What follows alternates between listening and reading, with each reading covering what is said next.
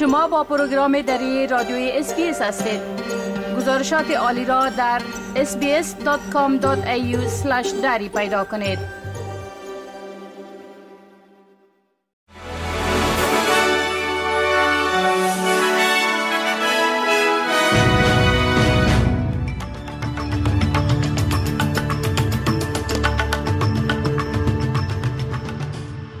با عرض سلام من فضیل تصمیم شما را به شنیدن مهمترین رویدادهای روز دعوت می کنم. ریچارد مالز وزیر دفاع استرالیا می گوید استرالیا همچنان نقش مهمی در تمام رویدادهای مهم جهانی ایفا خواهد کرد. این در حال است که حکومت فدرال درخواست ایالات متحده برای یک کشتی جنگی در بهیره سرخ برای حمایت از کشتی های تجارتی در برابر حملات شبه نظامیان حوسی را رد کرده است. مسیر تجارتی بهیره سرخ یکی از بزرگترین مسیرهای تجارتی جهان است اما اخیرا کشتی هایی که از این منطقه عبور می کنند مورد حمله قرار گرفتند و شرکت ها را مجبور به اتخاذ جهات مختلف در یک تصمیم پرهزینه کرده است. آقای مالس می گوید با وجود این تصمیم استرالیا زمانی که ضرورت باشد در آنجا خواهد بود. As events happen around the world, we will participate in them. We will make sure that um, Australia's flag is there where it meets our national interests. It's what we're doing in Ukraine, for example. But in terms of where our, our, our focus needs to be, it has to be uh, in our region. یکی از رهبران حماس برای گفتگو درباره توافق احتمالی گروگانگیری برای بار دوم وارد مصر شده است. در حالی که رایگیری در نیویورک در مورد قطعنامه سازمان ملل متحد که خواستار آتش بس طولانی تر و تحویل کمک های بیشتر برای سومین بار به تاخیر افتاده است. دفتر رسانه حکومت حماس می گوید شمار کشته شدگان در غزه از 20 هزار نفر گذشته است که 8 هزار کودک و 6 هزار زن در میان کشته شدگان هستند. ورود اسماعیل هنیه رهبر سیاسی حماس مستقر در قطر به مصر نشانه مثبتی از آتش بس احتمالی است زیرا آخرین باری که او از آنجا بازدید کرد قبل از اولین توافق در ماه گذشته بود. وزارت تحصیلات عالی حکومت طالبان در مکتوب عنوانی دانشگاه های خصوصی افغانستان از این نهاده های تحصیلی خواسته است که کتاب های خلاف فقه حنفی را از کتابخانه هایشان جمع کنند.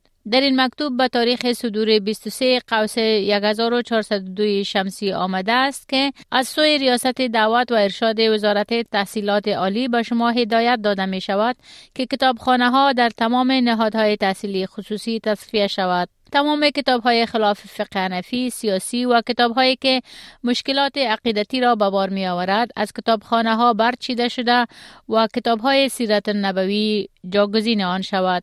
در مکتوب آمده است که پیش از جاگزینی کتاب های جدید در کتابخانه های دانشگاه های خصوصی باید فهرست کتاب های جدید با وزارت تحصیلات عالی در میان گذاشته شود. صدای امریکا با مقام های وزارت تحصیلات عالی طالبان به تماس شده و خواستار وضاحت بیشتر در مورد کتاب های خلاف فقه حنفی شده است اما مقام های این وزارت تا زمان نشر این گزارش جزیات در این مورد ارائه نکردند. جان جراد رئیس صحت ایالت کوینزلند به مردم کوینزلند هشدار داده است که مراقب صحت خود در ایام تعطیلات باشند. این در حال است که بیش از 320 نفر مبتلا به بیماری کووید در شفاخانه ها بستری شدهاند. این تعداد چهار برابر بیشتر نسبت به ماه اکتبر است.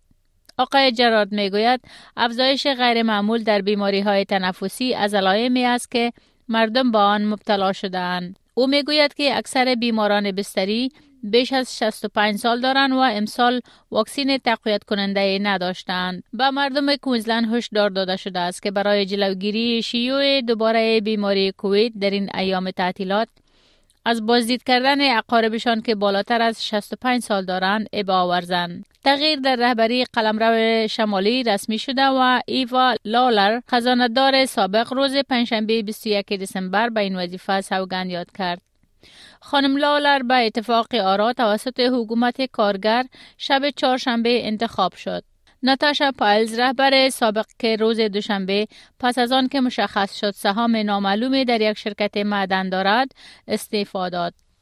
خانم لالر می گوید تمرکز اصلی او بر رفاه شهروندان، اقتصاد و ایجاد فرصت های کاری بیشتر است. I know that a change of leadership can be unsettling, especially at this time of the year, and I want to assure Territorians that my focus is only on you. My job is to make sure we continue to diversify and grow the Territory economy, create jobs, and ensure a safe and prosperous Territory. میزان آسیب ناشی از طوفان‌های جسپر به آرامی در شمال کوینزلند آشکار می شود. مقامات تایید کردند که بیش از 1400 خانه آسیب دیدند و 3500 خانه هنوز در منطقه بدون برق هستند. کسانی که بیمه شخصی ندارند واجد شرایط دریافت کمک هزینه 50 هزار دلاری حکومت فدرال برای پوشش هزینه های تعمیرات خود خواهند بود. این بر علاوه پرداخت های استراری فاجعه است که قبلا در دسترس قرار گرفته بود. موری واد وزیر کمک های استراری که روز پنجشنبه 21 دسامبر از کینز دیدن کرد از جامعه خواسته است تا از کسانی که پس از این فاجعه رنج میبرند حمایت کنند This is a time that we all need to band together whether we're insured uninsured whether we live in the northern beaches whether we live in other parts of Australia and I thank people from the rest of the country for chipping in donations and other things as well uh, but we'll stand with the far north Queensland communities as long as it takes to get them back up on their feet because it's a bloody beautiful part of the world آنتونی البنیزی صدراعظم استرالیا قرار است از مناطق سیل دیده بازدید کند تا اندازه این فاجعه را بررسی نماید. Today we'll be announcing increased support for primary producers, for small business and non-government organisations, for the nine local government areas in addition to that uh, support for the tourism sector. If you have a booking here in far north Queensland, please don't just cancel. Uh, they want people to continue to come. To the region to provide support for their economy as they come out of uh, what has been a devastating period.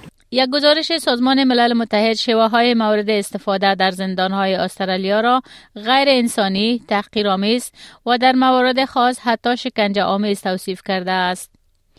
گزارش تند و تلخ در مورد رفتار استرالیا با زندانیان توسط سازمان ملل متحد ارائه شده است با وجود تلاش های اولیه برای جلوگیری از بازرسی یک کمیته فرعی سازمان ملل متحد در مورد بررسی از شکنجه در زندانهای استرالیا تلاش کرد تا در اکتبر 2022 وارد این کشور شود. اما آنها مجبور شدند سفر خود را به عقب برگردانند زیرا آنها از دسترسی به چندین زندان در کوینزلند و سیدنی منع شدند. بر اساس این گزارش کودکان به طور معمول دستبند زده و بسته شدند بدون در نظر گرفتن این که آیا چنین اقدام ضروری است یا نه. این بود مهمترین رویدادها از برنامه دری SBS.